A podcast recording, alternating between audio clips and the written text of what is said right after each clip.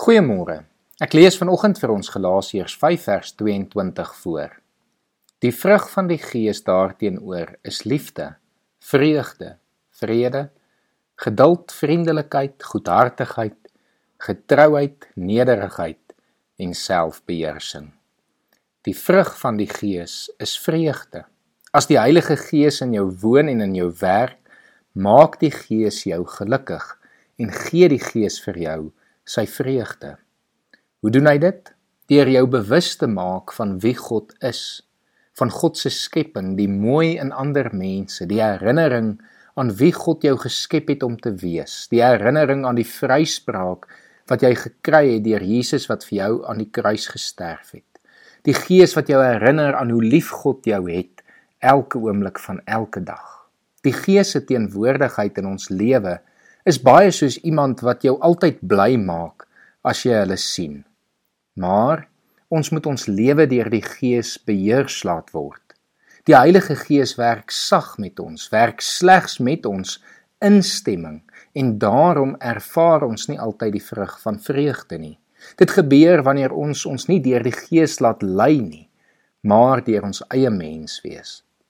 Daarom sê vers 16 laat julle lewe steeds deur die gees van God beheers word. Nou natuurlik beteken hierdie nie dat ons altyd bly en gelukkig gaan wees nie. Ons lewe steeds in 'n gebroke wêreld. Ons gaan steeds hartseer beleef. Ons gaan steeds slegte dinge oorkom. Maar dan weet ons dat die Heilige Gees ook in die eerste plek ons vertrooster is. Wat daardie hartseer en droefheid vertroos en weer vir ons sy vreugde gee. Die Heilige Gees bewerk uiteindelik 'n innerlike diep vreugde wat gewortel is in 'n verhouding met God en daarom kan dit ook krisistye of tye van hartseer deurgaan. Dit is 'n diep innerlike vreugde wat weet dat God self ons trane afvee en ons genees. Daarom, selfs wanneer ons bekommerd raak, wanneer die druk van die lewe te veel word, kan ons weet dat die Heilige Gees vir ons vreugde sal gee. Kom ons maak dan tyd en 'n ruimte vir die Heilige Gees om in ons lewe te werk.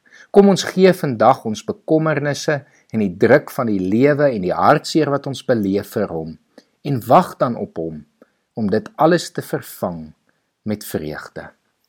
Kom ons bid saam.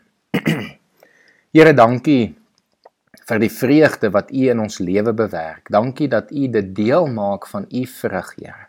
Dankie dat ons wanneer ons nadink oor U, oor wie U is en wat U alles gedoen het, dat ons dan 'n werklike innerlike vreugde in ons lewe beleef. Dankie dat U U Gees vir ons gegee het om ons hartseer te vertroos, maar ons ook hieraan te herinner sodat dit ons bly kan maak. Here, ek kom vra dat U vandag by elkeen van ons sal wees, dat U ons sal help om weg te draai van ons bekommernisse om dit vir U te gee, Here. Om ons hartseer na U toe te bring sodat U ons kan vertroos en dat U vir ons weer vreugde kan gee. Ons bid dit in Jesus se naam alleen. Amen.